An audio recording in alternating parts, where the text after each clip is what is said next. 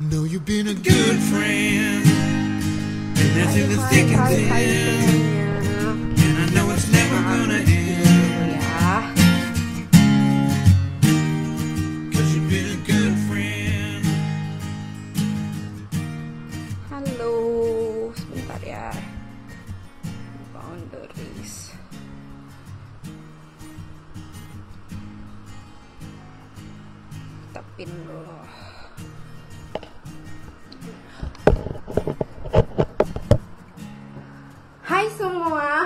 Back again with me Teresa as your host today and welcome to our educative and lifestyle podcast edisi di rumah aja bareng Little Ice Queen. In this podcast, we'll talk about career, family, and lifestyle, offer you an insight and dare you to change your perspective because in this podcast, every word counts. If you are new to this podcast, welcome and nice to meet you all. If you are our usual, welcome back. How you all doing? Gimana nih di rumah? Di rumah aja PSBB sebentar lagi lebaran. Sudah mempersiapkannya belum? In case you are missing out our previous talk, you can check our podcast at Spotify, Google Podcast, Apple Podcast, dan juga platform Spotify lainnya. Now, we also encourage you all to follow our Instagram and Facebook page for our new updates. Nah, kayak hari ini nih, updates hari ini kita bakal ngobrol bareng dengan Kak Karina Negara sebagai co-founder dari aplikasi Calm. Siapa sih yang nggak tahu aplikasi Calm ya kan? Kalau belum tahu, bentar lagi kita akan ngobrol-ngobrol. Nah, topik hari ini kita akan mengadakan topik uh, seperti judulnya adalah Setting Healthy Emotional Boundaries. Jadi tanpa berlama-lama lagi, kita akan invite Kak Karina. Bentar ya.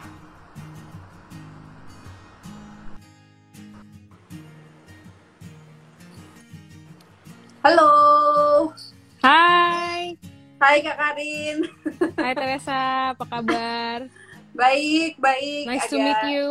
Ya, nice to meet you. Uh, terima kasih loh ya sudah say yes ke Iya, kita. thank you udah undang Calm.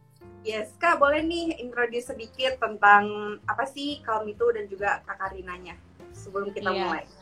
Oke, thank you. Hai semua, kalau yang baru pertama kali ketemu Calm mungkin atau baru pertama kali ketemu aku, aku adalah Karina Negara, psikolog dan co-founder Calm.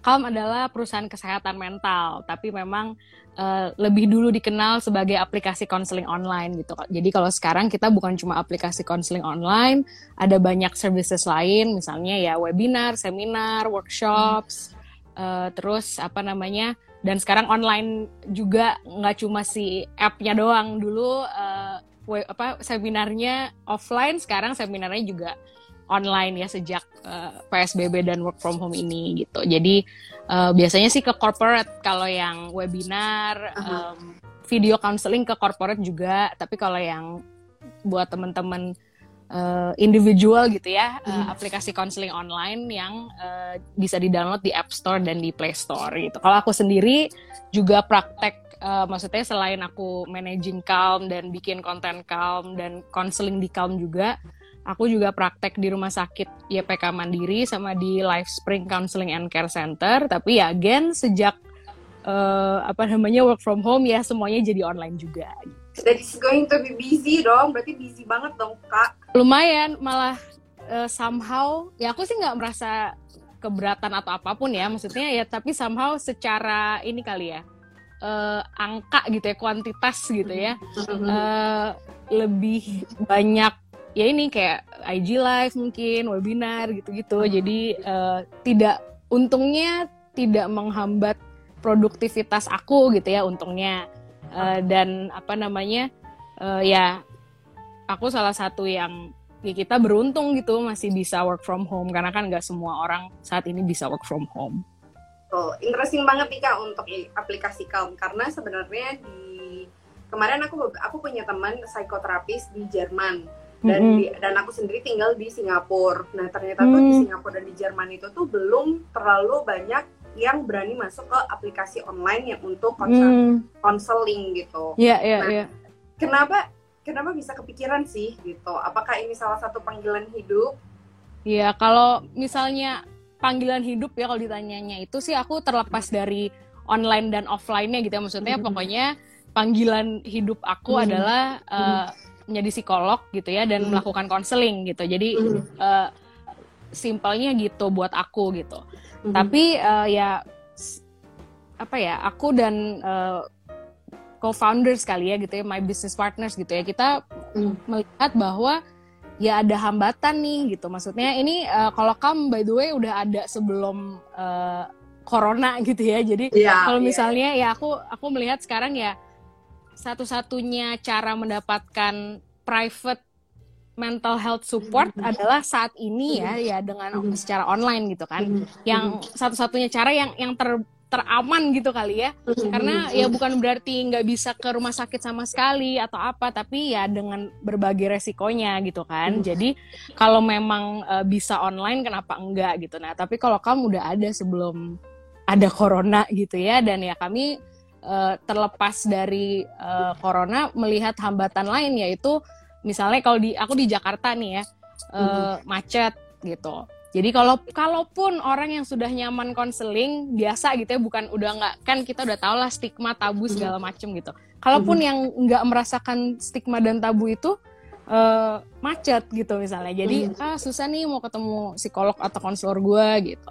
Terus eh, ada lagi mahal ya maksudnya sebenarnya sih ya aku sebagai profesional kesehatan mental eh, eh, apa ya mahal itu bukan hanya relatif ya oke relatif mungkin cuman eh, there is a reason why harga konseling Mhm. tidak murah-murah banget gitu kasarnya yang secara harga tengah gitu ya Mhm. tapi ya kita paham tetap eh, karena mungkin masih tabu dan stigma harga yang mid aja itu eh, di apa di dirasa mahal gitu jadi oke eh, kita nggak mau harga jadi hambatan orang mendapatkan support Yes. mental health kan gitu. Jadi Betul. itu salah satunya. Terus satu lagi ya malu gitu. Jadi aku kayak mahal macet malu kalau yang di Jakarta gitu ya.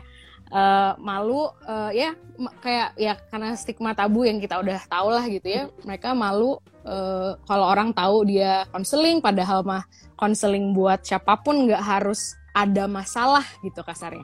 Mhm. masalah yang gimana gitu. Nggak harus eh, orang kan mikirnya bahkan gila gitu ya kalau ke Iya. konselor atau ke, eh, ke psikolog tuh gila gitu ya Hmm. enggak sih nggak harus gila untuk konseling gitu sama kalau di Indonesia sendiri eh, saat itu tuh kamu bikin misalnya waktu kami memulai kami sih waktu itu tidak tahu adanya eh, apa ya eh, platform serupa gitu ya maksudnya eh, baik app atau apa pun gitu. Kami sih waktu itu nggak tahu, tapi ternyata sudah ada dan eh, apa namanya sekarang pun makin banyak, which is great, which is Ya. fine. Artinya kan mental health eh, demand-nya makin banyak ya. Itu sih aku senang aja gitu. Tapi eh, kami tahu banget di Indonesia tuh, actually mungkin di dunia ya, aku nggak tahu lah. Tapi at least di Hmm. Indonesia ini loh eh, apa namanya kekurangan profesional kesehatan mental gitu ya. Ini udah gabungin psikiater, psikolog. Kalau konselor mungkin belum tercatat secara formal kalau di Indonesia. Jadi kita nggak tahu itu ngitungnya gimana. Cuman psik- eh, psikolog sama psikiater aja itu kita defisit gitu hitungannya di Indonesia. Oh. Jadi kayak ya karena kan Indonesia luas ya gitu. Maksudnya kan Hmm. kita nggak cuma Jakarta gitu. Mhm. Yang di Papua gimana? Yang di Sabang Merauke gitu maksudnya. Jadi eh kau mau me- menebas gitu mau ya ya udahlah ya itu diminimalisir deh nih semua Hmm. boundaries boundariesnya gitu ya sekarang ya intinya butuh internet sama smartphone yang basically semua orang Semua orang punya punya. kasarnya gitu iya Lucu sih ya, kalau aku nggak tahu range di Indonesia harga ke psikolog itu berapa, tapi karena dari pengalaman aku, aku sendiri pergi ke psychiatrist dan juga ke psikolog, harga Mm. di Singapura itu tuh super parah banget menurut aku. mahal Per sesi 30 menit itu 2 juta. hah 30 Itu menit belum- ya 30 menit Wow. dan itu belum termasuk obat. wow Dan oke itu berarti kalau sama obat total-total kita bisa habis 4 juta. iya mahal ya itu sih itu sih mahal banget sih Itu gitu mahal kayak banget. itu mahal itu banget mahal banget. Makanya kenapa dengan alasan itu akhirnya aku membangun Little Ice Queen ini karena menurut aku uh, bagaimana sih orang tuh bisa karena kalau satu orang aja membutuhkan 4 juta atau 2 juta, Hmm, gimana orang lain bisa yang mempunyai problem yang sama uh, mereka mendapatkan cara yang istilahnya itu ya nggak mudah tapi juga tetap approachable gitu dan aku menemukan mm-mm. journaling merupakan salah satu uh, apa ya jurnal itu bisa menjadi salah satu Method. method cara yes, mm-mm. cara untuk bisa membantu dalam proses penyembuhan itu sendiri ya kan kak? iya aku kan sih setuju sih? banget sih apa Hmm. journaling atau on- itunya, online aplikasi online. online nih. oh karena iya gini, karena psikoterapis yang aku temen aku itu di Jerman, dia itu sangat konservatif dan Hmm. dia uh, sempat mention ke aku dengan statement kayak gini.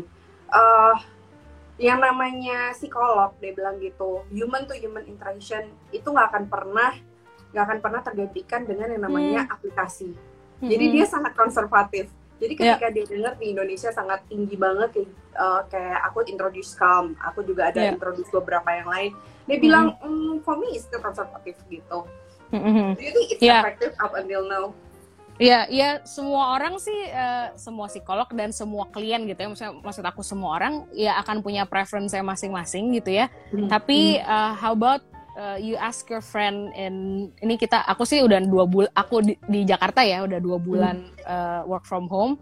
Eh, so I don't know di Jerman udah berapa lama, di Singapura udah berapa lama. Ask him or her again in two three months. Eh, if dia masih nggak mau coba gitu ya karena ya ya oke gitu aku aku juga aku juga maunya face to face kalau yang maksudnya yang kan aku makanya juga praktek di tempat lain gitu Mhm. tapi efektif atau tidaknya konseling online itu eh, faktornya banyak banget gitu buat Hmm. beberapa orang sangat efektif buat beberapa orang tidak eh, dan tergantung severity masalahnya juga atau maksudnya gangguannya gitu ya Mhm. Eh, kalau di Calm juga kita nggak pernah klaim kita menggantikan eh, konseling tatap muka. Soalnya kalau klaim kayak gitu waktu starting bersama aku nggak mau sih gitu kayak itu Oh. lu ba- maksudnya itu lu ngebajak kerjaan gua dong gitu kan maksudnya aku kan ya psikolog gitu. Aku memulai karir sebagai psikolog nggak langsung terus bikin Calm gitu. Jadi eh, waktu co-founders eh, ngajak ya, maksudnya my business partners ya, waktu ngobrol-ngobrol di awal, eh, kalau memang ada any hint atau kayak rasanya kayak wah ini kayaknya nanti gue jadinya kayak ter, itu tergantikan atau apa gitu kan sama online. Ya Hmm. aku sih nggak bakal bikin calm ya. Kalau buat aku konseling online itu melengkapi bukan menggantikan gitu. Jadi jadi justru yang misalnya udah face to face gitu ya, yang udah face to face bisa lebih efektif lagi dengan konseling online karena misalnya kalau ketemu langsung susah gitu kan. Eh, susah tuh ya tadi ya macet lah apa segala macam atau sekarang ya ini kalaupun sekarang teman-teman sudah mau mulai konseling saat ini kan ya it's I, I, I don't wanna say dangerous tapi risky gitu kali ya at Hmm. least at least risky Mhm. ya udah bisa kan bisa terus jalan online gitu nggak harus terus uh, memaksakan diri ketemu fisik gitu. Jadi kalau buat aku ya efektif tergantung faktornya banyak. Mungkin kalau misalnya ada teman-teman yang mau tahu lebih lanjut tentang uh, efektifnya konseling online atau enggak aku sih sama temen aku psikolog namanya Anas Anas Satrio Instagramnya. Kita pernah uh, IG live tentang itu. Tapi uh, waktu itu belum Instagramnya dulu belum yang langsung nge-save ke IGTV gitu loh. Jadi jadi nanti kita mesti tapi udah ada filenya. Uh, apa Oh, namanya oke. mesti mesti aku upload di uh, YouTube-nya Calm or something. Tapi Oh, iya, iya, uh, ya uh, dan kalau misalnya yang buat orang-orang yang uh, apa namanya baru mau mulai gitu ya. Kalau tadi kan aku bilang nih bagus nih buat yang udah konseling terus ya maintenance-nya lanjutnya juga di uh, apa di sama digabungin gitu. Mhm. yang belum pernah gitu ya menurut aku konseling online tuh salah satu kayak cara ter apa ya paling kayak eh, resikonya rendah gitu kasarnya. Kalau misalnya misalnya untuk nyobain aja gitu kayak kalau cocok iya lanjut gitu ya.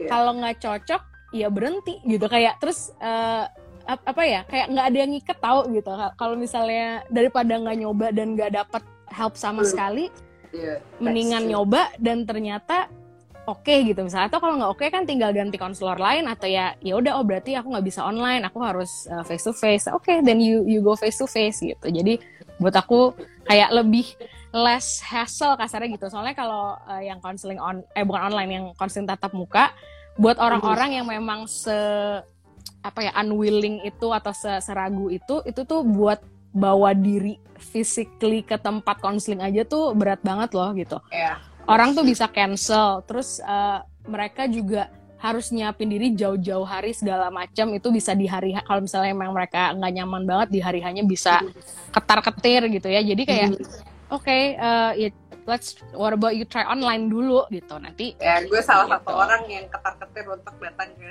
sakit riset. ya ya Heeh. Oke, Kak, hari ini kita main games dulu ya sebelum kita masuk ke topik uh, hari Oke. ini. Games itu bakal uh, relatable dengan topik kita hari ini. Jadi nanti aku akan Mm-mm. kasih statement. Di sana ada dua pilihan, kakak tinggal uh, pilih aja gitu. Mm-mm. Jadi, oke, pertama, working in the middle of the night atau bangun pagi jam 7 pagi untuk kerja. Ini aku pribadi gitu ya maksudnya Iya, ah, ah, ah. oh, oke Eh, night night owl ya. Iya. Ya. Terus mendingan telling the ugly truth uh, waktu temen curhat-curhat atau ya udahlah biarin aja nanti ugly truth udah sendiri. usah selesain ugly truth itu itu udah semua temen aku tahu Oke, orang yang suka nggak enakan dengan orang lain adalah ciri pertama dari lack of emotional boundaries. Benar atau salah? Pertama enggak tahu itu ciri iya. Tapi nggak tahu itu ciri pertama atau enggak cuma iya gitu. Itu ciri. Iya, benar ya. iya. Oke, lebih senang meluangkan, uh, menghabiskan waktu untuk membaca sendiri atau eksplor tempat-tempat baru bareng teman-teman untuk mengurangi rasa kejenuhan.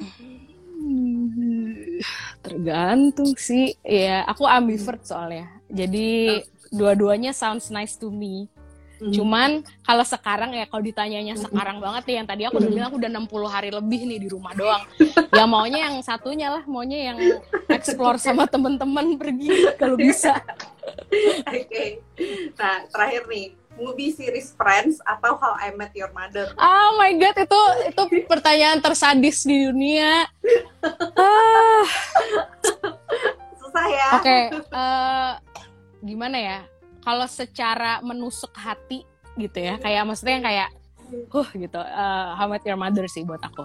Tapi Oh, iya. somehow ya lebih sering nonton yang Friends. Mungkin itu kayak lebih gampang dicerna kali. Aku sering kadang-kadang muterin aja tanpa aku benar-benar nonton, karena kan aku udah udah tahu ceritanya, udah sering nonton.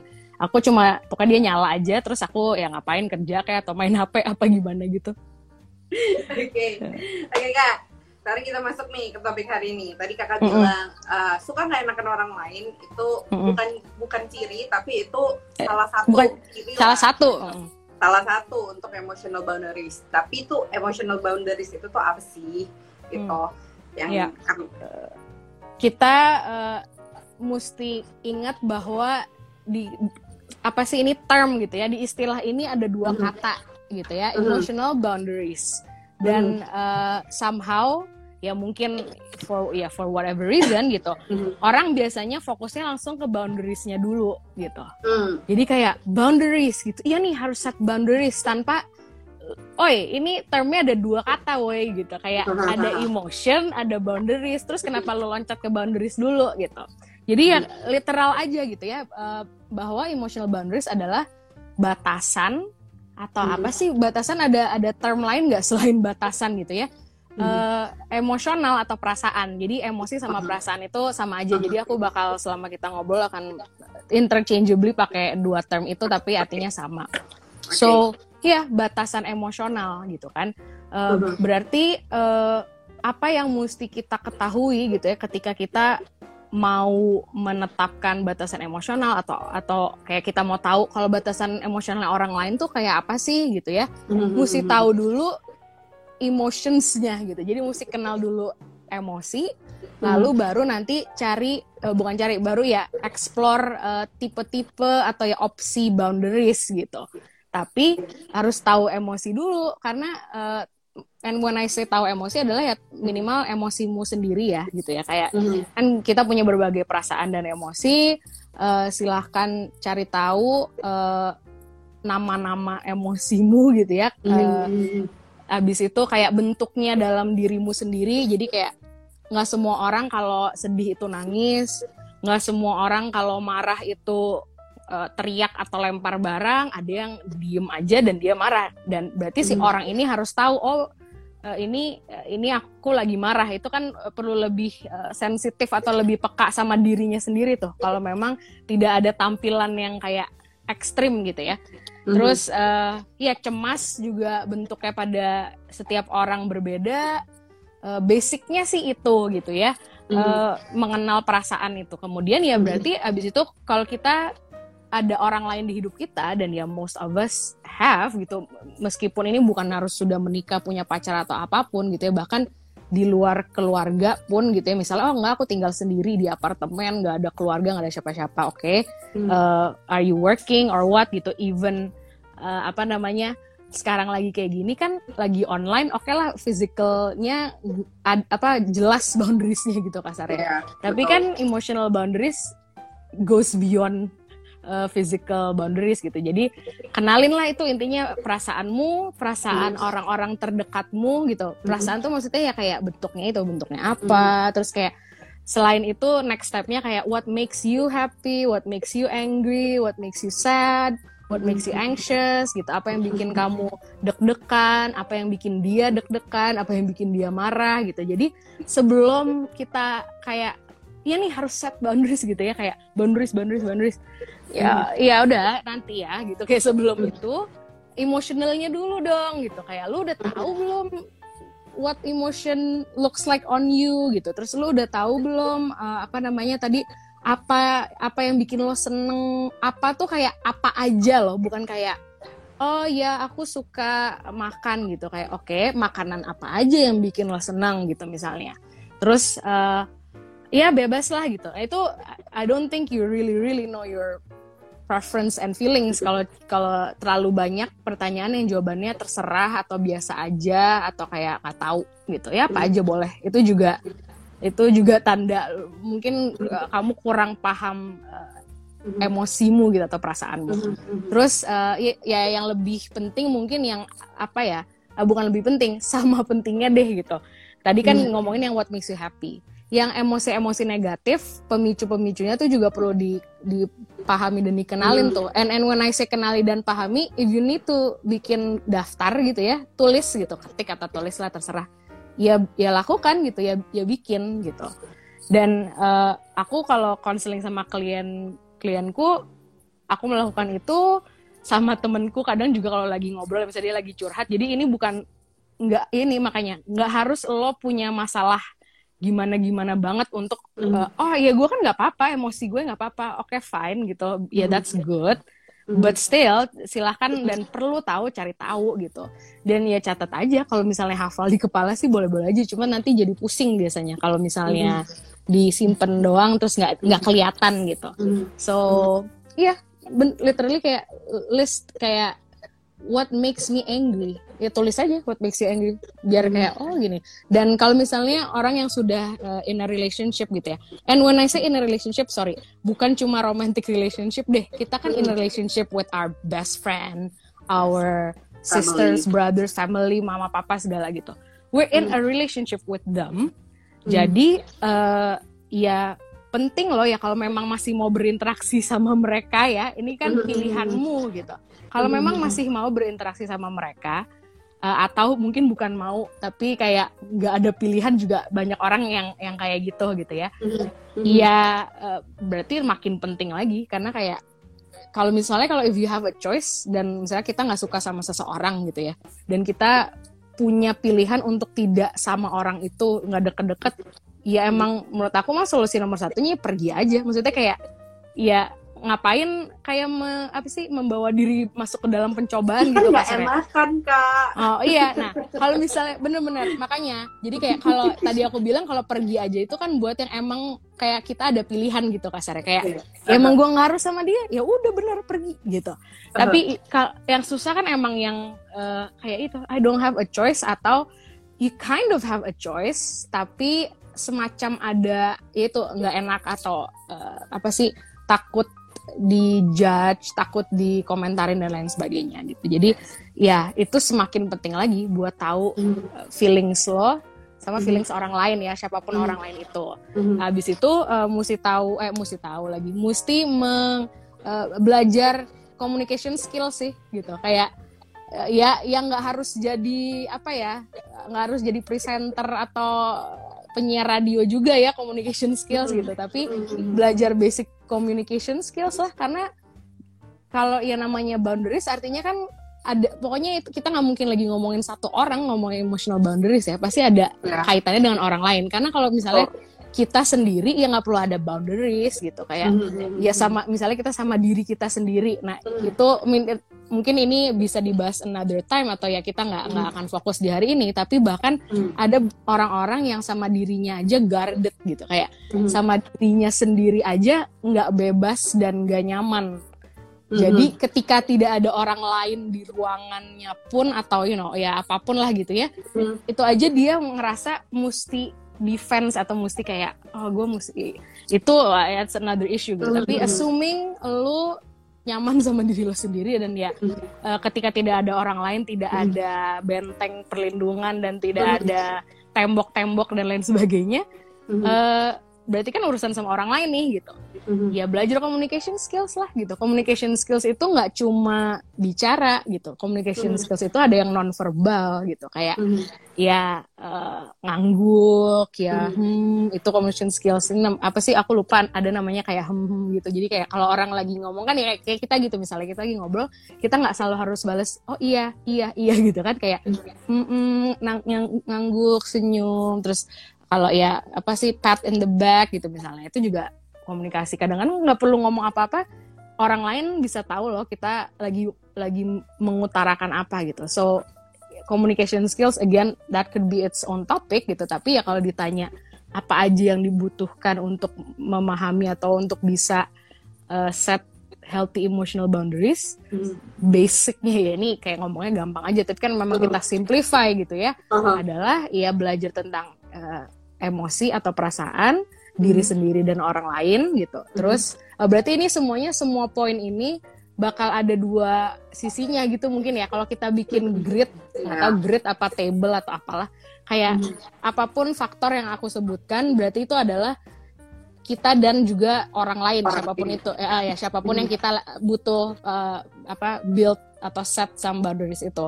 Mhm. Jadi ya kalau memang ada beberapa orang dalam hidupmu yang kamu rasa perlu di kayak ini lebih lebih aktif lagi di lebih jelas lagi bukan aktif gitu ya. Lebih jelas lagi setting emotional boundariesnya ya berarti perlu mengenali semuanya itu gitu. Em, Hmm.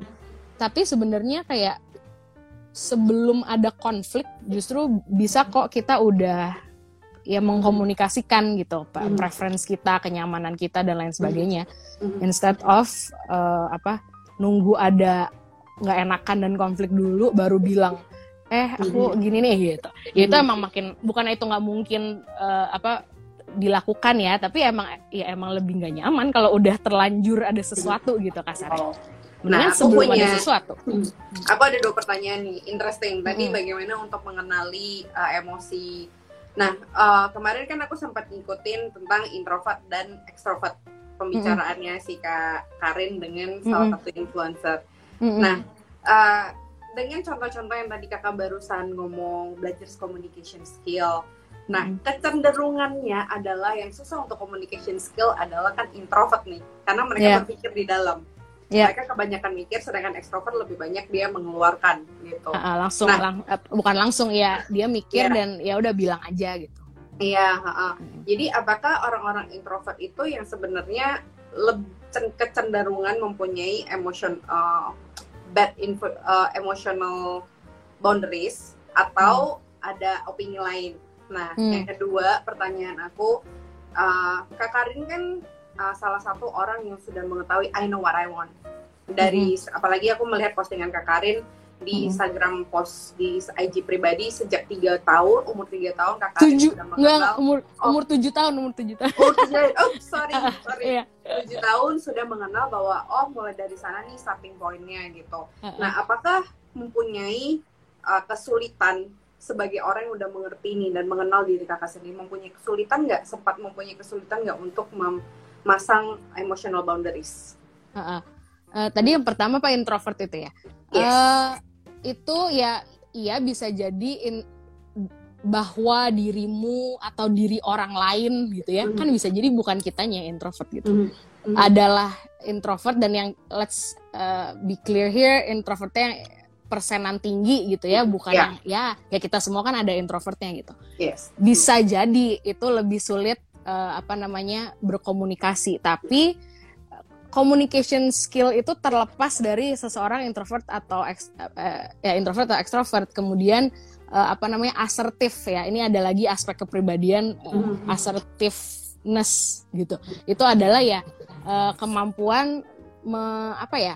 nggak hanya bicara sih tapi kayak melakukan sesuatu dengan uh, ya kalau bahasa sehari-harinya mungkin percaya diri tapi tidak agresif dan uh, ya udah tegas tapi tidak galak gitu gitu deh kayak kalau misalnya mau pakai bahasa sehari-hari ya gitu assertiveness tuh nanti kalau teman-teman ada yang mau nyari itu yang uh, lebih ngaruh di urusan emotional boundaries ini daripada introvert atau extrovert gitu. Mm-hmm. Kayak communication skills lo sama uh, lo asertif atau enggak gitu. Seberapa mm-hmm. asertifnya lo gitu lah. Mm-hmm. Uh, karena itu yang akhirnya enak nggak enak itu kayak orang yang asertifnya rendah mau dia extrovert juga dia nggak nggak enak kayak mm-hmm. ngasih ngasih tahu gitu.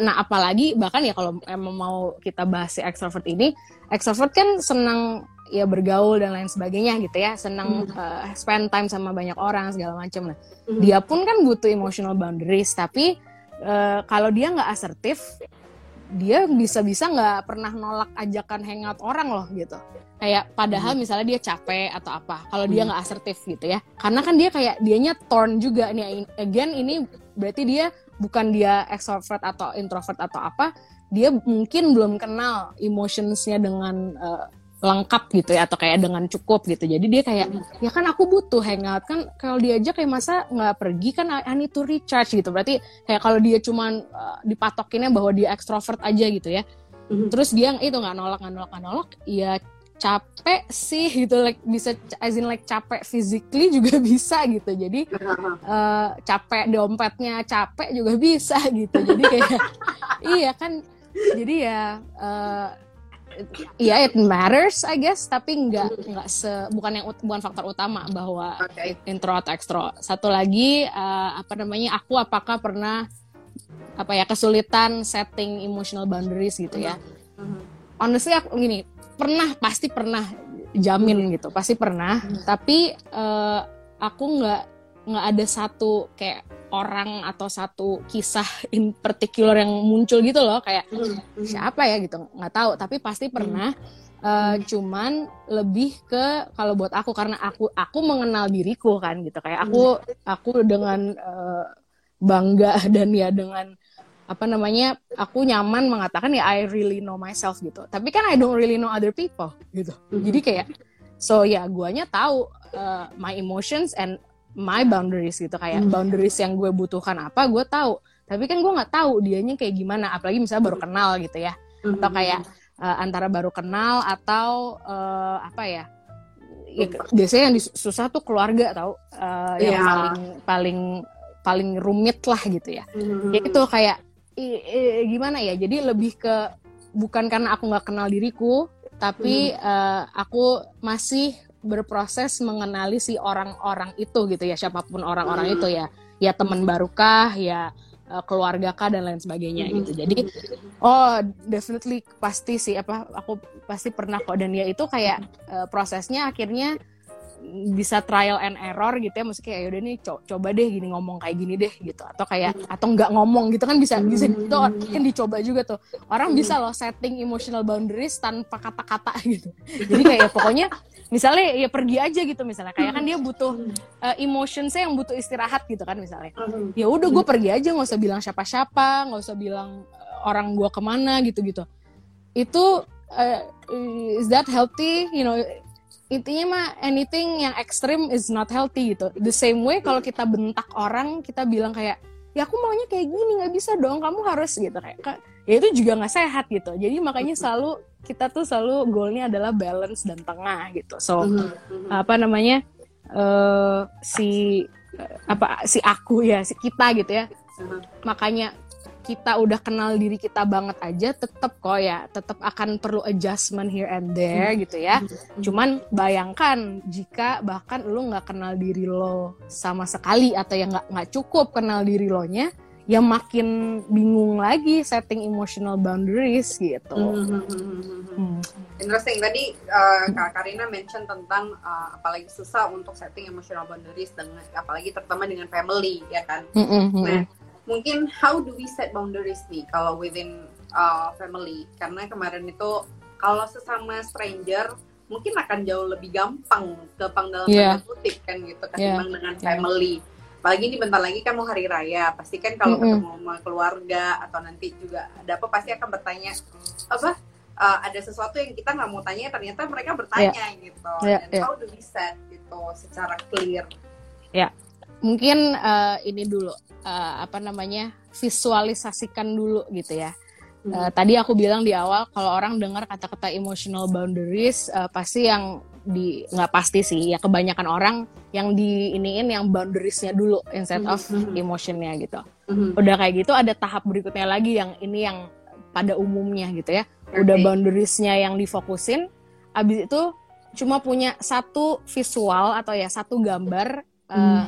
Terkait boundary, yaitu tembok gitu. Kayak Hmm. eh, it- itu kayak langsung mikir tembok. Oh iya ya, gue perlu me- eh, te- tembok ya, mau temboknya tinggi atau rendah gitu ya. Boundaries itu kan batas ya.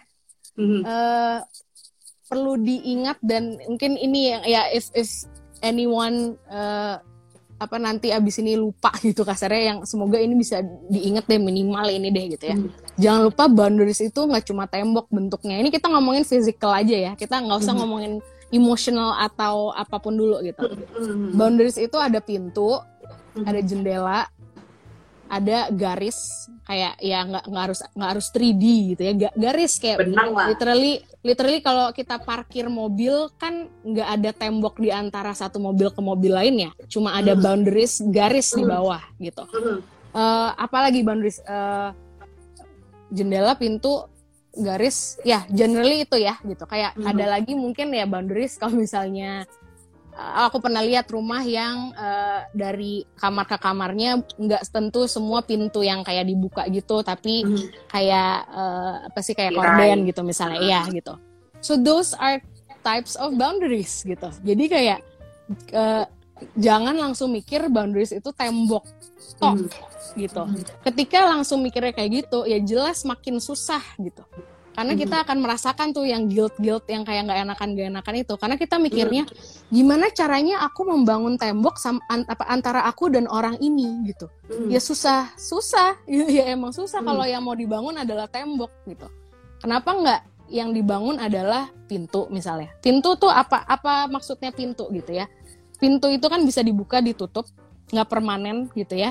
Mhm. dan pintu itu bisa diketok gitu. Baru dibukain bukan ya ya pilihan satu lagi kalau memang nggak respect boundariesnya gitu ya nggak pakai ketok langsung dar gitu ya langsung buka eh, apa langsung buka dan masuk gitu. Ya itu isunya si orang yang membuka pintu tanpa ketok ya itu dia yang yang mesti di oke, kita bisa bicarakan itu ke orang itu gitu. Mhm. so ini nggak usah ini dulu lah nggak usah apa namanya eh, emotional kasarnya nggak usah yang kayak nggak kelihatan gitu. Boundaries itu kelihatan jadi visualnya jelas dulu bahwa eh, mungkin ya apa ya mungkin paling make sense eh, bikin pintu kali ya kita gitu. Instead Hmm. of eh, tembok yang pasti nggak tembok gitu ya. Jendela mungkin eh, kalau jendelanya nggak setinggi badan kita nanti kita nggak nggak kebayang loh aku lewatnya gimana gitu.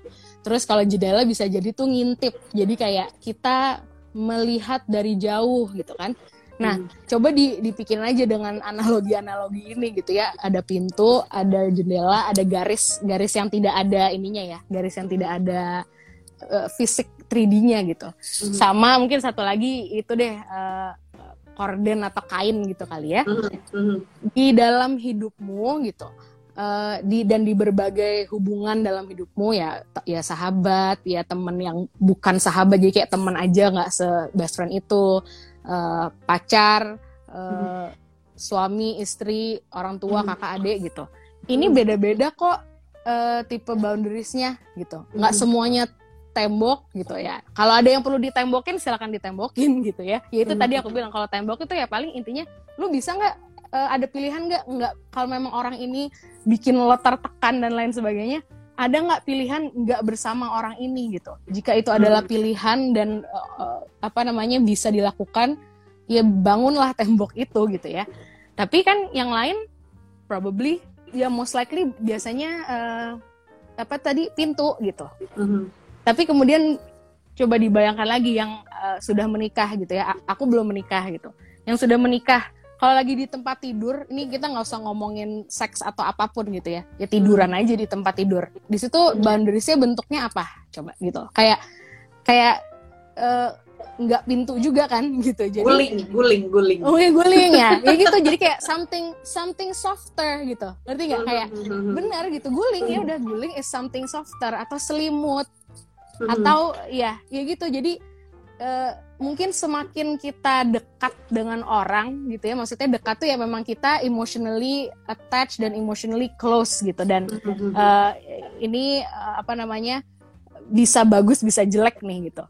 Ketika kita emotionally attached and emotionally close to someone gitu. Bisa ya itu bisa pasangan bisa sahabat bisa anak anak kita juga kita bisa emotionally attached and close gitu ya. Dan it sounds nice right? Gitu kayak oh bagus dong emotionally close with someone gitu kayak.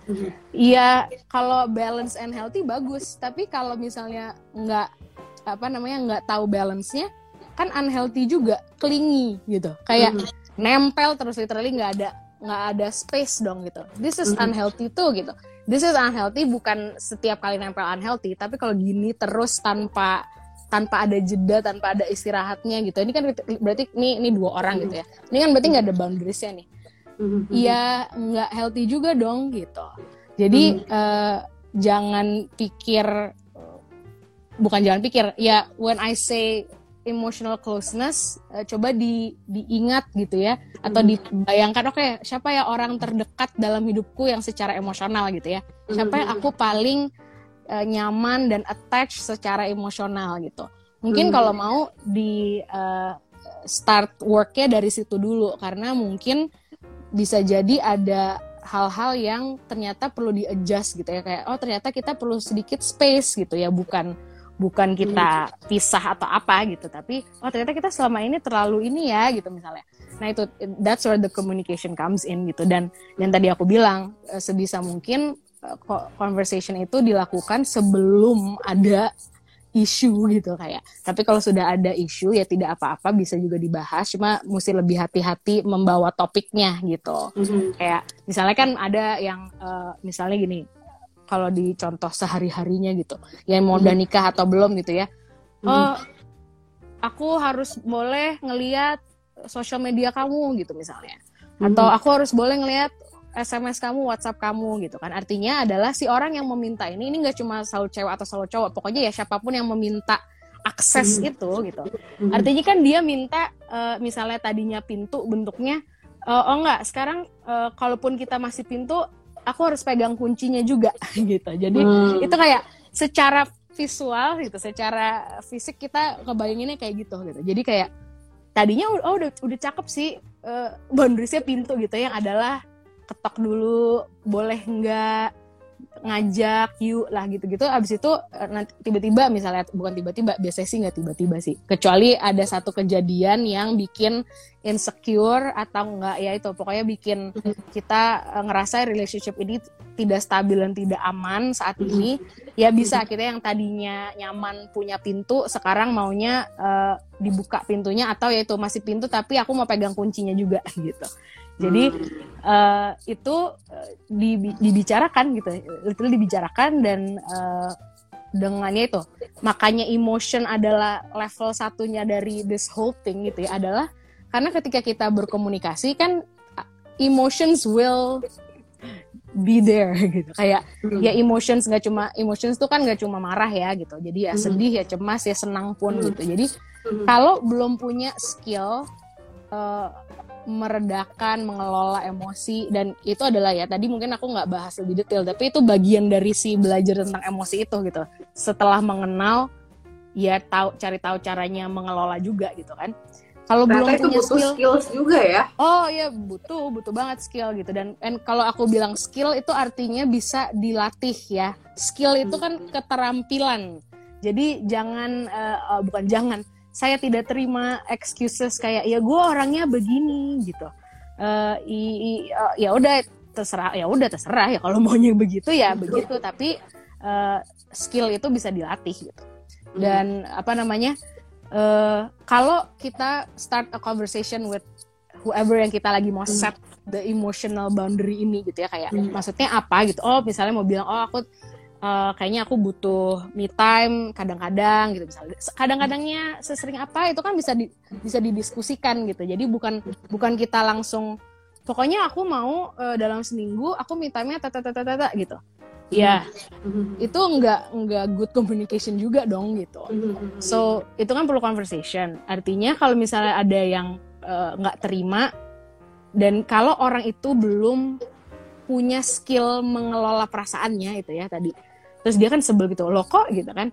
Eh, ini ya langsung berantem gitu kayak makanya jadinya kayak nggak enak dan kayak oh kok setting emotional boundaries tuh susah ya dia itu Mhm. kayak Iya emang susah kalau lu belum paham emosi lo, belum tahu cara mengelolanya, communication skill jelek, eh, itu kayak ya udah itu emang don't even, ya of course it's Yeah. hard gitu. Itu mah Yeah. sama sama apa ya kayak sama stranger aja bisa jadi nggak enakan gitu. Kalau Betul, misalnya belum punya dua skill basic dalam setting emotional boundaries itu. Interesting. Tapi kalau misalnya sama orang tua nih, apalagi sama mama, biasanya, ma aku kita udah bilang nih, ma aku misalnya jam segini sampai jam segini kerja nih. Iya, Tapi iya, mama biasanya kan suka ngeribet sendiri gitu, apalagi kalau kita work from home gitu kan. iya. Kita work from home bisa tiba-tiba masuk kamar lah, sembarangan lah, terus habis lagi tel- telepon tiba-tiba eh, masuk ke apa masuk ke kamar teriak sambil teriak gitu. iya. Itu how how as a How? kid, eh, sebagai Iya. seorang anak pasti kan kita juga nggak mau mengecewakan. Kita Iya. juga pasti Nggak mau nggak Iya. mau disrespect Uh-uh. juga gitu ya. Iya. Eh, Iya. kayak gitu eh, artinya lebih dikencengin lagi eh, empati apa ke- itu again ini juga skill kemampuan berempati berempati itu kemampuan memahami perasaan orang lain gitu so ketika eh, ya udah kita pakai contoh si mama tadi aja gitu ya biar Hmm. biar eh, clear gitu ya teman-teman yang lain kalau misalnya nggak aku nggak ada urusan itu sih sama mama ya udah just Mhm. think of someone else yang mungkin older jadi ini kayak kita lagi ngomongin sosok orang yang lebih Oh, tua older. dan eh, kita hormati gitu ya kita hormati dan kita sayangi dia juga Hmm. menyayangi kita tapi kita butuh emotional boundaries gitu deh jadi kayak Ya. kalaupun bukan mamahmu sendiri eh, there, there's probably someone in your life dengan kategori itu tadi gitu. Hmm. caranya gimana? Kita empati. Artinya ketika si orang ini ya si mama eh, menunjukkan suatu perilaku misalnya masuk kamar kita tanpa ketok pintu misalnya. Tadi kan ini literally ini literally nih nggak ketok pintunya nih ya bukan Mhm. bukan eh, kayak minta izin atau apa nggak. Literally dia masuk aja gitu. Em, kita kalau kita reaktif gitu ya. Ini reaktif di mana kita berarti tidak tidak punya kendali atas perasaan kita kasarnya gitu. Atau ya kita belum belum eh, bisa mengelola. Kita langsung sebel kan gitu kayak ih mak gitu kayak tok dong gitu misalnya. Atau kayak mau masuk masuk sih? gitu misalnya. Eh, itu kita akan ya pasti langsung dar gitu kayak maksudnya ya akan langsung eh, ber- ya berantem atau ya Perang- bertengkar gitu lah kasarnya. ketiga. Uh, mungkin belum langsung belum kan. Itu kan mamanya pasti akan menjelaskan emang nggak boleh mama masuk? Gitu misalnya. Jadi itu dulu lah gitu. Jadi em, apa namanya itu berarti kan buat aku kita tuh cuma bisa mengendalikan diri kita sendiri loh. Jadi kayak kalau misalnya tadi di, di skenario tadi uh, whoever you are yang lagi mendengarkan uh, dan kalian blaming oh iya tuh mamanya mamanya tuh yang nggak bener tuh gitu ya kasarnya. Kayak Hmm. mamanya tuh nggak bener mas bu- pintu nggak ketok-ketok gitu ya. Hmm. Eh, coba di- dipikirkan lagi gitu ya. Kalau buat aku tadi yang adalah pemicu berantemnya kasarnya gitu adalah si kitanya yang reaktif dan eh, kayak yang ngebentak gitu mungkin atau kayak eh, marah gitu Hmm. bukan si mamah yang membuka pintu yang memulai adanya dar gitu darnya kan baru setelah kitanya yang teriak Hmm. artinya kita bisa belajar mengelola ya itu tadi kayak kita mengelola dulu terus kayak responsif instead of langsung react gitu ya berarti eh, again ya mesti mengenali gitu. Abis itu yang tadi urusan empati kita question dulu instead of kita nge berasumsi gitu ya. Berasumsi ini si mamaku tuh pasti gini gini gini gini gini deh gitu ya. Hmm. apa pun itu perilakunya kita justru bertanya kenapa ya? gitu. Jadi lebih banyak bertanya kayak gitu kayak oke si mama eh, seminggu terakhir sering bolak-balik kamarku sesuka hati kayak Hmm. eh, aku lagi kerja digangguin apa segala macam gitu misalnya apa pun lah perilakunya. Instead of kayak langsung kayak isi mama tuh pasti gini gini gini deh gitu ya. Tanya tanya dalam hati gitu ya nanti nanti eventually you can work up to a real conversation with her gitu ya where you actually ask her mama kenapa? gitu kayak uh, kayak mama mau ngobrol atau gimana di waktu yang baik gitu bukan di jam kerjamu juga gitu kan. Tapi tanya dulu sama dirimu sendiri kayak kira-kira gitu loh kayak si mama tuh kenapa ya seminggu terakhir ini uh, itu bolak-balik kamarku gitu misalnya.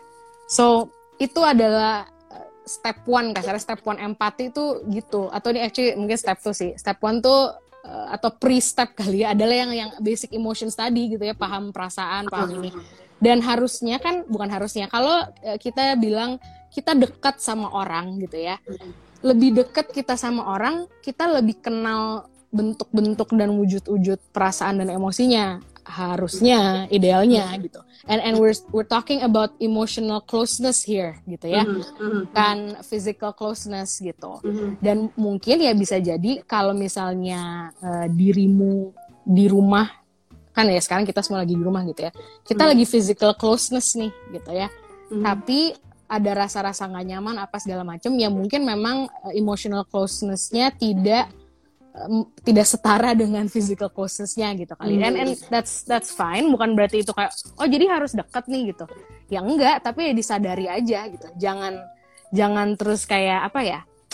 Uh, jangan ya itu ntar nyalahin orang lain apa gimana segala macam. Tapi ya sadari aja bahwa ya lo nya sendiri pun tidak tidak merasa dan tidak mengusahakan nih uh, emotional closeness gitu. Jadi jangan jangan blaming anyone loh gitu. Kayak itu apa ya, selalu cek yourself dulu gitu.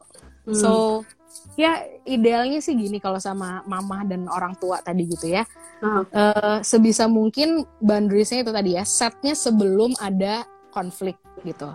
Satu itu tapi juga uh, bukan uh, satu arah kayak tadi. Misalnya uh, Teresa ceritanya om ya kan udah bilang aku jam segini sampai jam segini kerja ya gitu. Mm-hmm. itu adalah uh, I'm not saying that's exactly what you did tapi let's say mm-hmm. kasarnya kan kita kayak gitu. Itu kan satu arah gitu.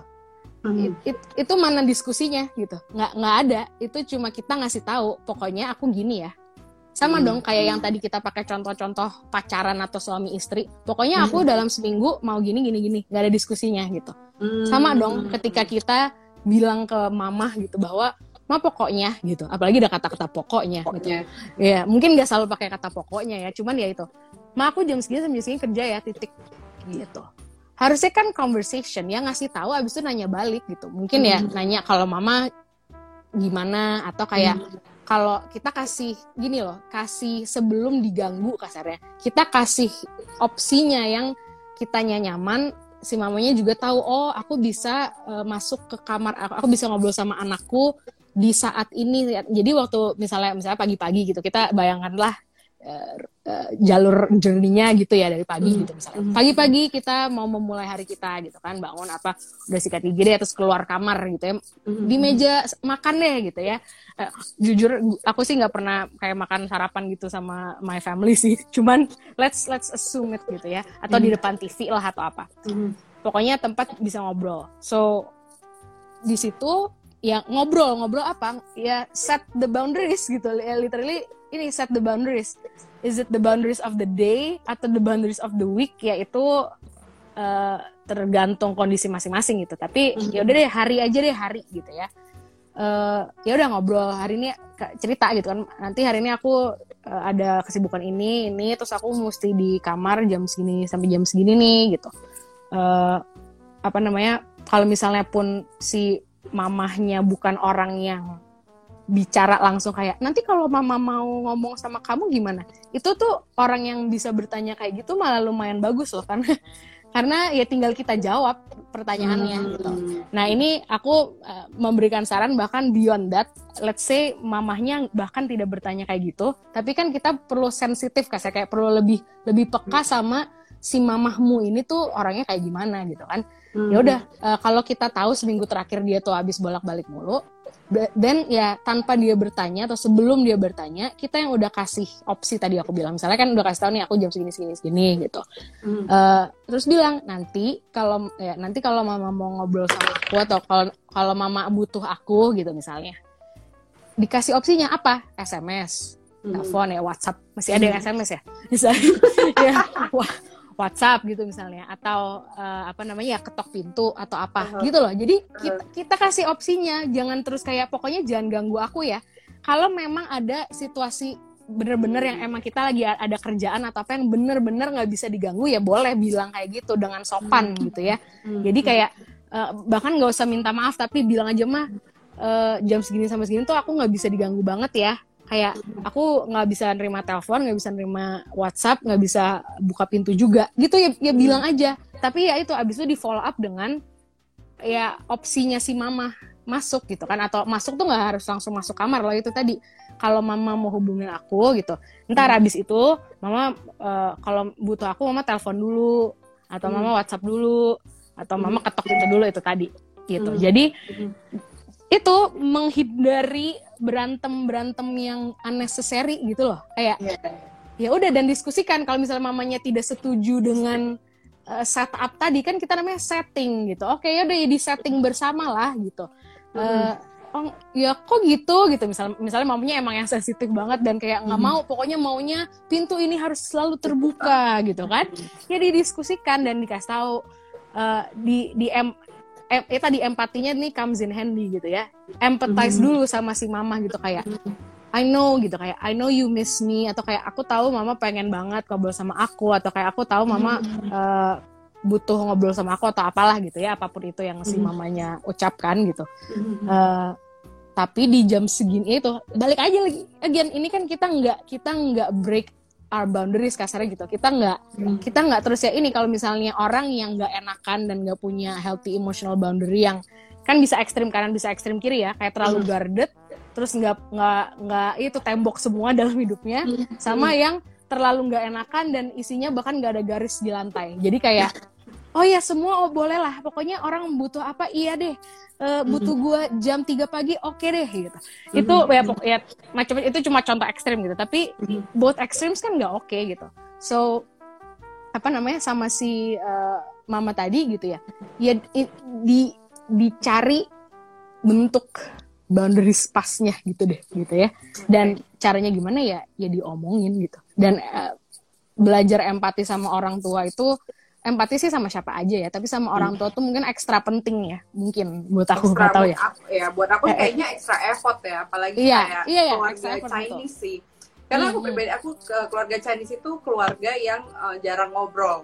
Hmm, jadi tuh. selalu satu arah gitu. Jadi untuk Iya. punya closeness dengan orang tua itu tuh biasanya kalau anak-anak Chinese itu tuh akan sangat-sangat jarang gitu. Iya. jadi jadi that's uh, that's an extra effort gitu. Jadi betul hari ini aku belajar sih satu hal ternyata assertiveness itu tegas Hmm. itu tuh salah satu kunci juga untuk membantu orang-orang yang nggak enakan betul betul tegas ta- tapi kan bukan agresif gitu. Mhm. Jadi itu yang Mhm. mungkin kalau biasanya Mhm. orang eh, cara belajar term ini adalah mengcompare eh, aggressiveness, assertiveness sama passiveness gitu. Jadi itu itu gradasinya gitu. Kayak Mhm. agresif salah, pasif juga salah gitu. Jadi Mhm. eh, asertif yang kita mau. Makanya dari tadi semua kita ngomongnya tengah, tengah, tengah semua gitu. Kita bukan jangan ekstrem kiri kanan gitu. Oke. Ya. Sebenarnya aku ada dua pertanyaan, tapi ini tinggal Mm. dua menit nih kak. Nanti Iya. kalau misalnya tiba-tiba mati, aku nyalain sekali lagi ya. Paling another oke. 15 menit gitu. Boleh, Dua boleh. pertanyaan. Ha-ha. Uh, karena buat aku sendiri untuk mengenali emosi diri aku sendiri itu sangat susah. Hmm. And uh, aku pengen tahu sebenarnya itu apa sih faktor-faktor yang susah untuk setiap orang itu untuk mengenal emosinya sendiri. Satu, kedua, Hmm. apa korelasinya dengan untuk mereka mencari tujuan hidup mereka atau live life to the fullness gitu. Apalagi kan anak-anak Hmm. muda zaman sekarang itu istilahnya itu mereka tuh gencar banget gitu loh dengan term yang namanya mencari tujuan hidup uh, dan Mm-mm. kita sendiri pun juga kalau if you find your Karena purpose- harus memang. Uh-huh. Mm. if you find your purpose then uh, you can live like a happy life something like that. Hmm. Nah, apakah ada korelasinya dengan setting emotional boundaries? Hmm. Oke, jangan dijawab dulu, aku end Iya. dulu. Terus nanti Oke. hari gitu kita live lagi ya, Kak ya. Sip, Bentar sip. ya. Oke, Oke. ya. Ya. Oke. We're back again teman-teman uh, karena tadi udah habis satu jam tapi masih ada dua pertanyaan lagi yang pengen aku tanyain so kita kembali lagi untuk ngobrol-ngobrol bareng dengan kak Karin bentar ya alright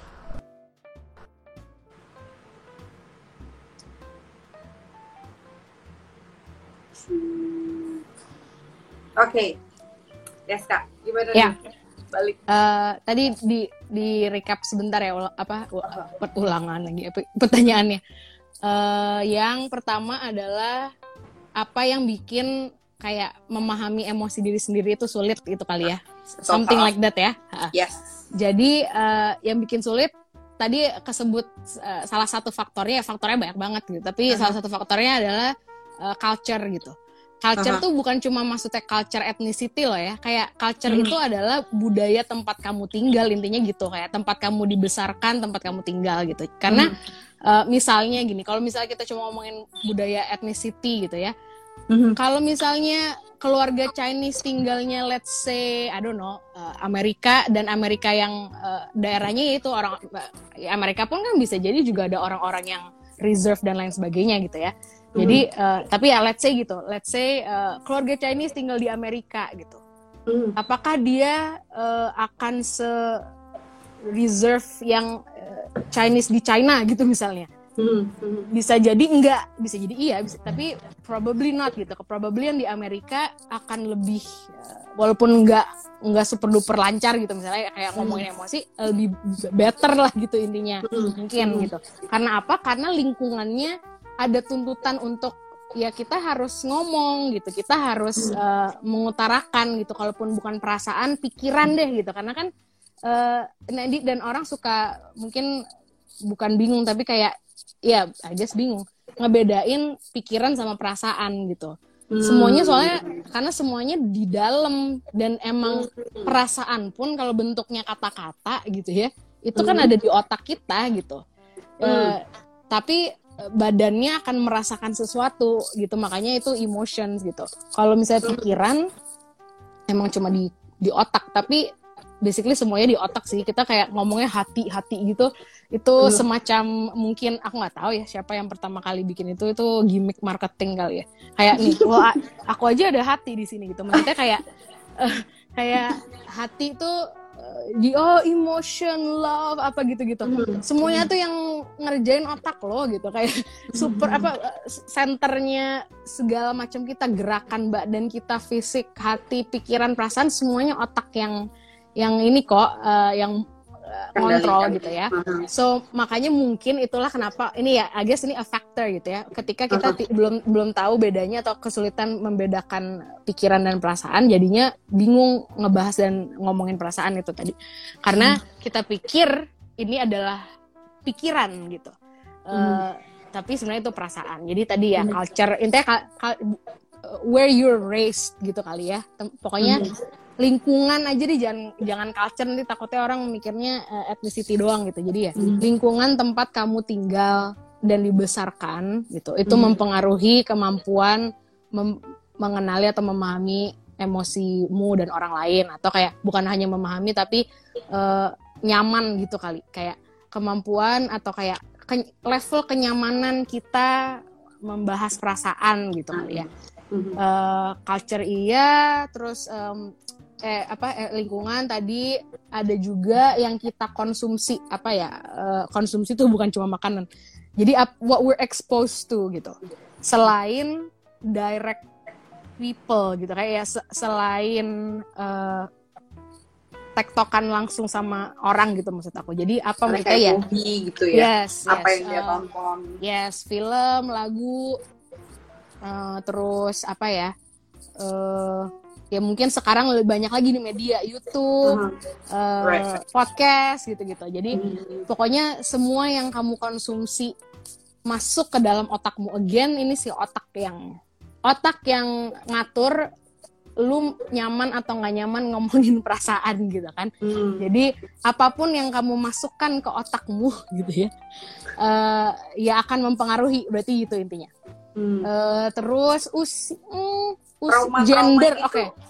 Apa? trauma kalau misalnya dia Trauma. Oh trauma iya, iya ya bisa. Berarti itu eh, history gitu kali ya. Maksudnya kayak Hmm. pengalaman hidup gitu. Kayak Mhm. pengalaman yang bisa jadi masa kecil, bisa jadi masa remaja, bisa jadi udah gede Hmm. juga bisa gitu. Mhm. Jadi ya, ya ter- dan kalau kita ngomong trauma, mungkin aku clarify singkat aja bahwa trauma itu bukan berarti harus sesuatu yang kayak orang langsung mikirnya harus major gitu ya enggak. Trauma itu relatif pada masing-masing orang gitu. Kayak eh, yang buat aku traumatis belum tentu buat kamu traumatis gitu. Dan dan sebaliknya. Jadi pokoknya ya apa pun yang buat kamu merasakan kayak ya ada shock kemudian masih masih me- terngiang-ngiang gitu deh eh, basic basicnya trauma gitu dulu gitu. So ya whatever event gitu. Terus eh, I would say ya again ini masih berarti di pergaulan ya your friends gitu ya. Apakah teman-temanmu biasa membahas perasaan atau tidak gitu. Terus eh, usia tadi juga em, aku ya aku lagi ingat gi- gimana change-nya gitu. Maksudnya anak kecil banget kalau misalnya orang tuanya nyaman ngebahas perasaan kan dia akan jadi nyaman gitu. Kita asumsikan yang yang lebih bagus dulu nih ya yang lebih ideal gitu. Oh dari kecil dia ini kok nyaman ngomongin perasaan kok terus misalnya tiba-tiba atau kayak la- lama-lama gitu. Aku dulu tuh kecil open gitu misalnya eh, with my feelings tapi lama-lama kok aku jadi kayak nggak enak apa segala macem ya. Itu uh, usia ada ada faktornya di mana ya ketika kita semakin dewasa kita semakin aware gitu. Ini kayak awareness itu kayak kasarnya pedang bermata dua gitu kayak awareness itu ya kita harus punya gitu ya awareness tentang lingkungan ya tentang diri sendiri. Eh, tapi awareness bikin jadi eh, ada eh, tingkat cemas yang lebih gitu misalnya. Kayak eh, waktu kecil yang ngomongin ngomongin aja gitu. Kayak anak kecil kan ya itu nggak ada boundaries ya. Misalnya di jalan eh, ngelihat Kalau orang kata Anas bucin. Oh oh apanya? Siapa? Anak kecil? Atau ah, iya, anak kecil Oh, iya, iya, iya. bucin. betul anak kecil bucin ke orang tuanya betul. Karena eh, karena ya dia intinya butuh butuh cintanya orang tuanya gitu. Cuma ini maksudnya yang kayak interaksi gitu ya. Eh, mengutarakan perasaan gitu maksud aku. Yang kita bahas kan itu tadi. Anak kecil yang eh, masih kecil dan eh, ya tidak terlalu banyak eh, direstrik secara ekstrim sama orang tuanya di jalan ngelihat kasarnya orang gendut gitu misalnya atau orang kotor atau orang yang eh, ya orang kotor orang gila misalnya di pinggir jalan yang yang emang kotor kan secara fisik gitu. Kita yang udah gede kan kita ngelihat itu juga. Kita juga mungkin di dalam hati merasa sesuatu atau kayak ya either kita misalnya kasihan ya atau kayak ih atau apa gitu kan. Itu kan jujur aja gitu. Kayak itu uh, your your insight gitu. Tapi do we say it out loud? No. Tapi anak kecil kan iya gitu ya. Yang nggak semua gitu. Anak kecil kan iya kayak ih kok dia kotor sih? gitu. So kayak eh, anak kecil ya pokoknya yang kita waktu kita masih kecil mesti sebenarnya lebih nyaman. Dan ya itu yang bisa terhambat ketika orang tuanya atau ya lingkungan utamanya yang di rumah gitu ya itu tidak mengizinkan gitu. Kayak kayak di kasarnya kayak dimatiin atau ditebas kemampuan eh, mengutarakan perasaan oleh keluarga dan oleh orang tua. Karena anak kecil kan murninya gitu kasarnya ya. Murninya itu jujur dan tanpa filter kasarnya gitu. Yang of course ya kita akan butuh mengajarkan anak-anak kita filter kasarnya gitu ya gitu. Tapi kalau cara ngajarinnya atau ya cara membahasnya salah nanti dia jadinya tidak lagi jujur tidak lagi nyaman membahas perasaannya. Karena ya setiap dia membahas perasaannya di Matiin. kayak dilarang iya kayak dilarangnya mungkin bukan dengan kayak kita nggak usah ngomongin perasaan gitu. Kayaknya hampir nggak ada orang yang ngomong literally kayak gitu ya. Kayak aku nggak mau ngomongin perasaan. Kita nggak usah keluarga ini kita tidak nggak ada tahu yang kayak gitu.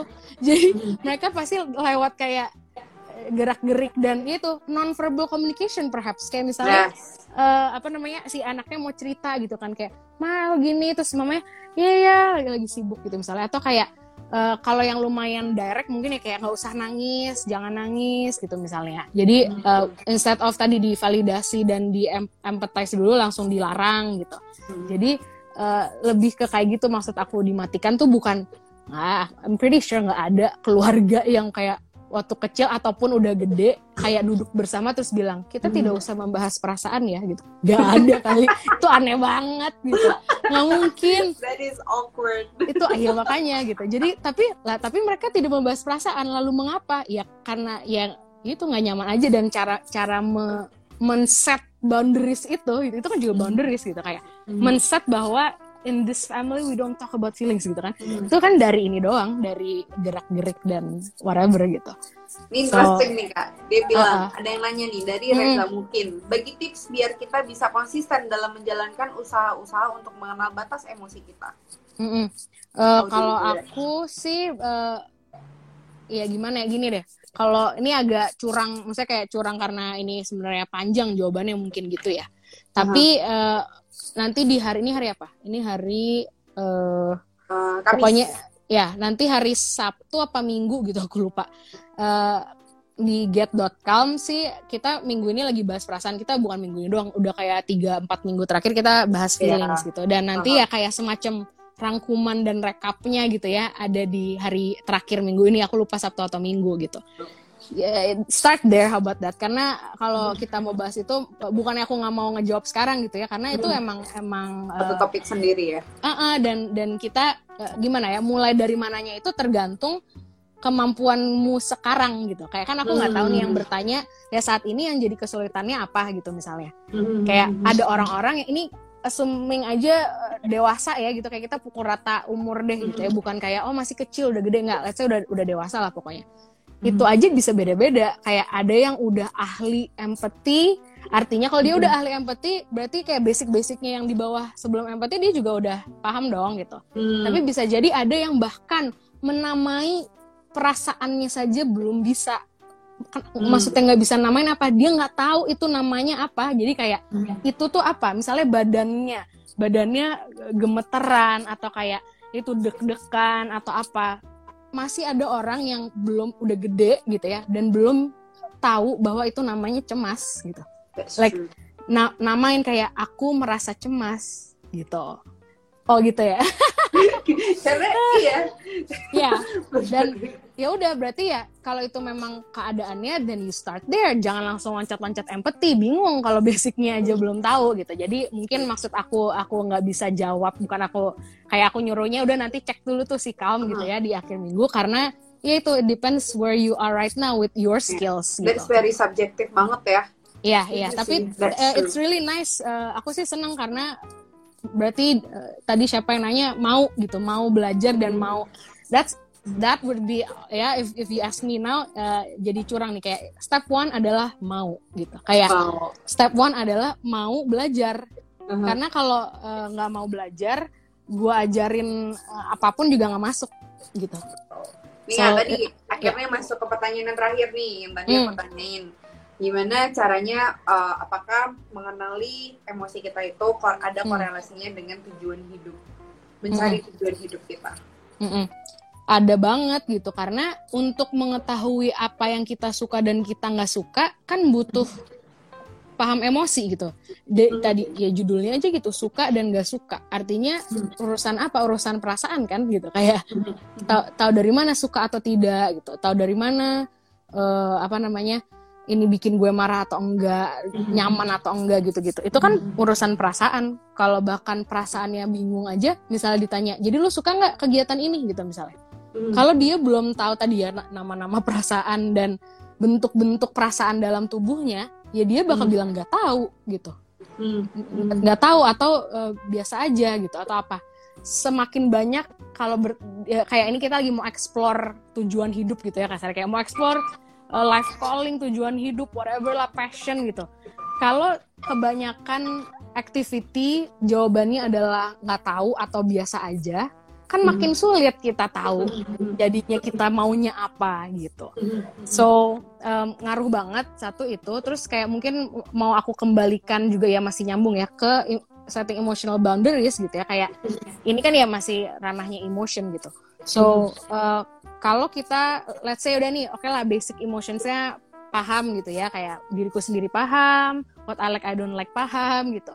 And then sekarang uh, yang jadi kesulitannya adalah gimana aku set emotional boundaries sama orang lain gitu, apalagi yang orang-orang terdekat gitu kan. Jadi yang itu tadi kalau di dirinya udah oke, ke orang lainnya kan tetap perlu adjustment gitu. Apakah uh, ketidakmampuan gitu ya atau ya ketidakmampuan ekstrim ya? Ya kesulitan menetapkan uh, emotional boundaries yang sehat gitu akan me- menghambat atau mengganggu proses kita, journey kita menemukan tujuan hidup atau ya itu apa uh, found- finding our apa ya, tadi kita pakai tema apa sih gitu. Uh, purpose ya tu iya tujuan berarti purpose in life gitu kan.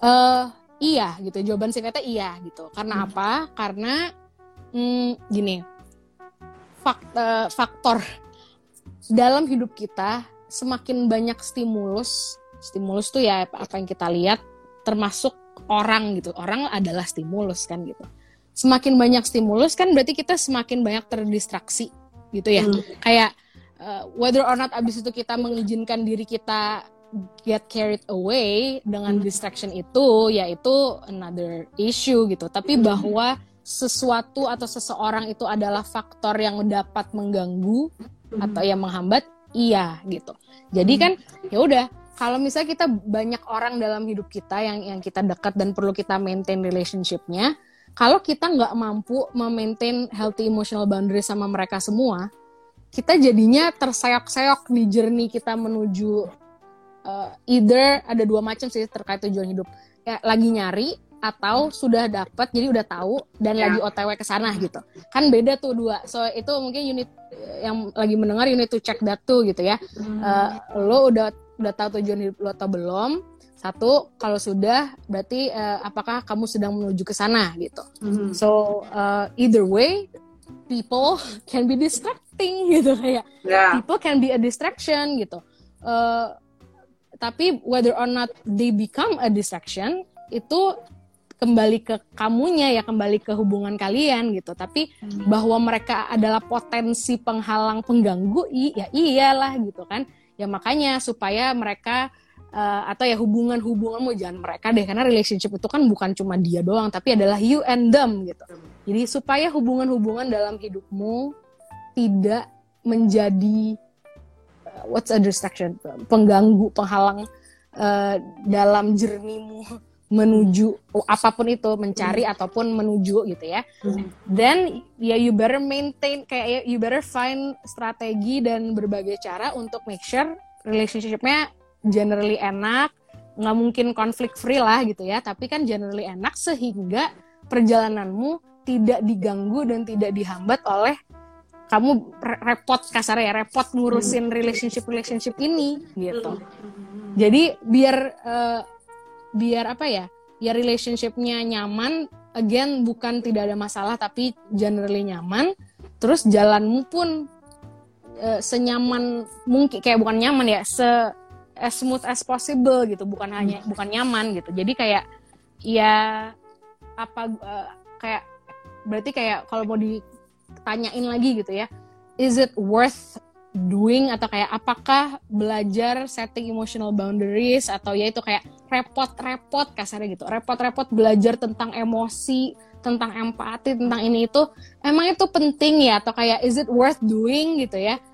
Eh, you tell me gitu. Kayak kalau you ask me of course I will say yes gitu ya. Tapi eh, kalau yang baru masuk gitu ya tolong diulang kayak nonton lagi gitu misalnya. Eh, you tell me what do you think gitu? Kalau misalnya menurut kamu nggak penting karena ya for whatever reason ya udah nggak usah gitu. Mhm. tapi eh, kalau secara eh, apa ya tadi ya physical aja gitu. Mhm. adanya ha- kehadiran orang lain dalam hidupmu gitu. Artinya penting gitu. Kayak kayak ini ini unbiased uh, opinion gitu ya. Kalau yang biased opinion mah gue bakal kayak berkoar-koar ini penting banget gitu. Tapi ya udah nih let let me be unbiased gitu. Pokoknya ya jika ada orang lain dalam hidupmu maka kemampuan menetapkan atau men- menetap kayak me- membuat gitu ya Hmm. eh, batasan emosional adalah Hmm. hal yang penting. Udah gitu aja jika ada orang. Which means semakin banyak orang dalam hidupmu yang yang kamu maintain close relationship with, with dan lain sebagainya semakin penting lagi gitu. Jadi eh, i- simple simpelnya sih gitu gitu. Tapi ya again you tell me. Listen to this again. If you don't think it's important nggak apa-apa. Gue juga nggak bakal marah-marah sih. Kayak eh, nggak bakal kayak gimana sih masa lu nggak ngerasa marah? Apa nggak ngerasa penting? Ya udah kalau emang di hidup dia mungkin nggak penting gitu. Kayak ya nggak apa-apa gitu. Ya ya bagus lah. Kalau emang Yeah. nggak ada distraction manusia dalam hidupmu ya good for you. Lucky lucky you. Uh, I I have people I love. So I mean I don't see them as a distraction gitu tapi Yes. I have people I love in my life which means I do need this dan uh, I will uh, invest. Jadi kayak kalau inilah pakailah kata-kata yang setidak negatif mungkin gitu kasarnya Uh, berkorban lah apa gitu-gitu. Ya emang betul kalau kita mau secara kayak kita tulis semuanya dan secara teori secara realita tentulah banyak yang harus kita korbankan kasarnya gitu ya. Tapi kalau itu orang yang lo sayang dan ini hubungan yang mau lo jaga lu ngeliatnya jangan pengorbanan lu liatnya ini investasi kali gitu. Pasti. gitu aja itu sama aja kan artinya emang investasi bukan berkorban berkorban gitu. Startup investasi pakai duitnya sendiri emang itu bukan berkorban ya berkorban lah Korban. duit yang dimasukin gitu. Tapi tapi kan ini eh, abis itu nanti berharap you know karena ini adalah cintanya ya nanti berharap ini akan menjadi baik gitu. Eh, sebelum closing aku sorry aku karena sempat ngelihat pertanyaan aja karena eh, ini mungkin cukup penting Ya. Eh, apakah memendam emosi baik atau enggak gitu ya. Eh, singkatnya tidak gitu. Jadi semua emosi itu harus diekspresikan tapi ekspresinya itu yang mesti dicari cara paling tepatnya gitu. Tapi nggak boleh dipendem. Kayak eh, and when I say nggak boleh kalau ditanya eh, baik atau enggak short answernya adalah ini dangerous gitu. Bahaya. Bahaya buat apa sih maksudnya bahaya? Bahaya buat fisik kayak bisa nanti sakit ini itu in the long run gitu ya. Sakit jantung sakit darah tinggi apa segala macam ini nggak cuma emosi marah loh emosi cemas sedih apa segala juga Eh, kemudian unhealthy atau bahaya untuk itu. Kayak kemampuan kamu berelasi dan lain sebagainya. Jadi semua emosi itu mesti diekspresikan atau disalurkan gitu. Kadang orang pakai term itu ya. Tapi ya cari penyaluran dan pengekspresian yang paling eh, efektif. Efektif itu eh, melegakan tapi juga tidak merugikan diri sendiri dan orang lain gitu. Jadi kayak oh berarti kalau aku marah aku langsung langsung bilang dong ke orangnya wah gitu kan kayak langsung langsung di itu yang enggak juga ya itu salah lu kalau lu lu langsung kayak gitu terus lu ngerasa itu kata psikolognya kalau eh, apa namanya merasakan apa pun harus diekspresiin gitu. Ye, nggak lengkap berarti kalau misalnya eh, that's how you express your anger, berarti informasinya nggak lengkap gitu. Emang harus diekspres angernya. Mm-mm. Kan bisa jadi ternyata eh, dituliskan atau bicara baik-baik, ya tetap marah. Marahnya nggak salah, sedihnya nggak salah, cemasnya nggak salah, eh, sedihnya nggak salah. Cara mm, nyampaikannya atau ekspresikannya yang bisa salah. That's true sih, karena uh, aku kena anxiety and depression itu juga salah Hmm. satunya karena aku memendam semua perasaan sendiri. Hmm. Jadi uh, kemarahan, kesedihan, semuanya aku pendam dan salah satu uh, aku tuh tipe orang yang nggak percaya dulu ada yang namanya anxiety or depressions. Hmm. Hmm. Jadi aku ngerasa ketika lu udah ikut Tuhan atau lu punya agama Mm-mm. gitu, tuh, Mm-mm. lu itu akan selalu bahagia gitu. Tapi pada Mm-mm. kenyataannya uh, depressions and depression and stress itu nggak kenal dengan orang gitu. Hmm. Hmm. Dan akhirnya yang terjadi adalah sampai kena ke fisik aku, aku ngerasa kayak kadang-kadang brain freeze dan kadang-kadang Hmm. badan itu badan itu kaku sampai nggak bisa bergerak. Nah itu Hmm. baru aku akhirnya mengakui bahwa oke I admit I have this kind of this, uh, depression and stress. Gitu. Hmm. That's why. Tapi but that's good. Thank you loh kak hari ini. Iya sama-sama, thank you Iya. udah ngajak udah mengobrol. Ini berarti Iya. nanti ada di IGTV uh, Ya Little ada. Ace Queen ya. Ya ada Oke. di TV nanti akan juga ada di podcast juga. Nanti aku akan tag ke kakak. Oke. udah selesai. Oke deh Oke. kak, thank you ya kak. Sama-sama, thank you. Dadah, take Terima care. kasih Dadah semua. teman-teman. See you again kak. Bye. Oke teman-teman, thank you so much for listening to this podcast. Overall, yang pasti untuk mengenal emosio- eh, emotional boundaries, yang hal yang pertama harus dilakukan adalah mengenal diri, mengenal emosi kita. Kedua, salah satu skill untuk setting itu adalah belajar untuk berkomunikasi. Jadi berkomunikasi yang baik itu dapat eh, mempengaruhi eh, emotional boundaries kita juga. Dan untuk culture kita eh, yang suka nggak enakan, assertiveness itu bisa dipelajari. Nanti teman-teman tadi ada beberapa pertanyaan yang akan dijawab nanti di ADN sesi of calm. So thank you so much for listening for today's podcast. Gak terasa hampir satu setengah jam kita hari ini. So don't forget to subscribe and share this podcast. Follow us in our social media page. And you can say hi to me personally di Teresa Churchill atau my partner Eugene.dl. So, thank you so much. Selamat berbuka puasa buat teman-teman yang berbuka and remember to always give your best every day and everything and be kind to one another always. Bye bye. God bless you all. Bye.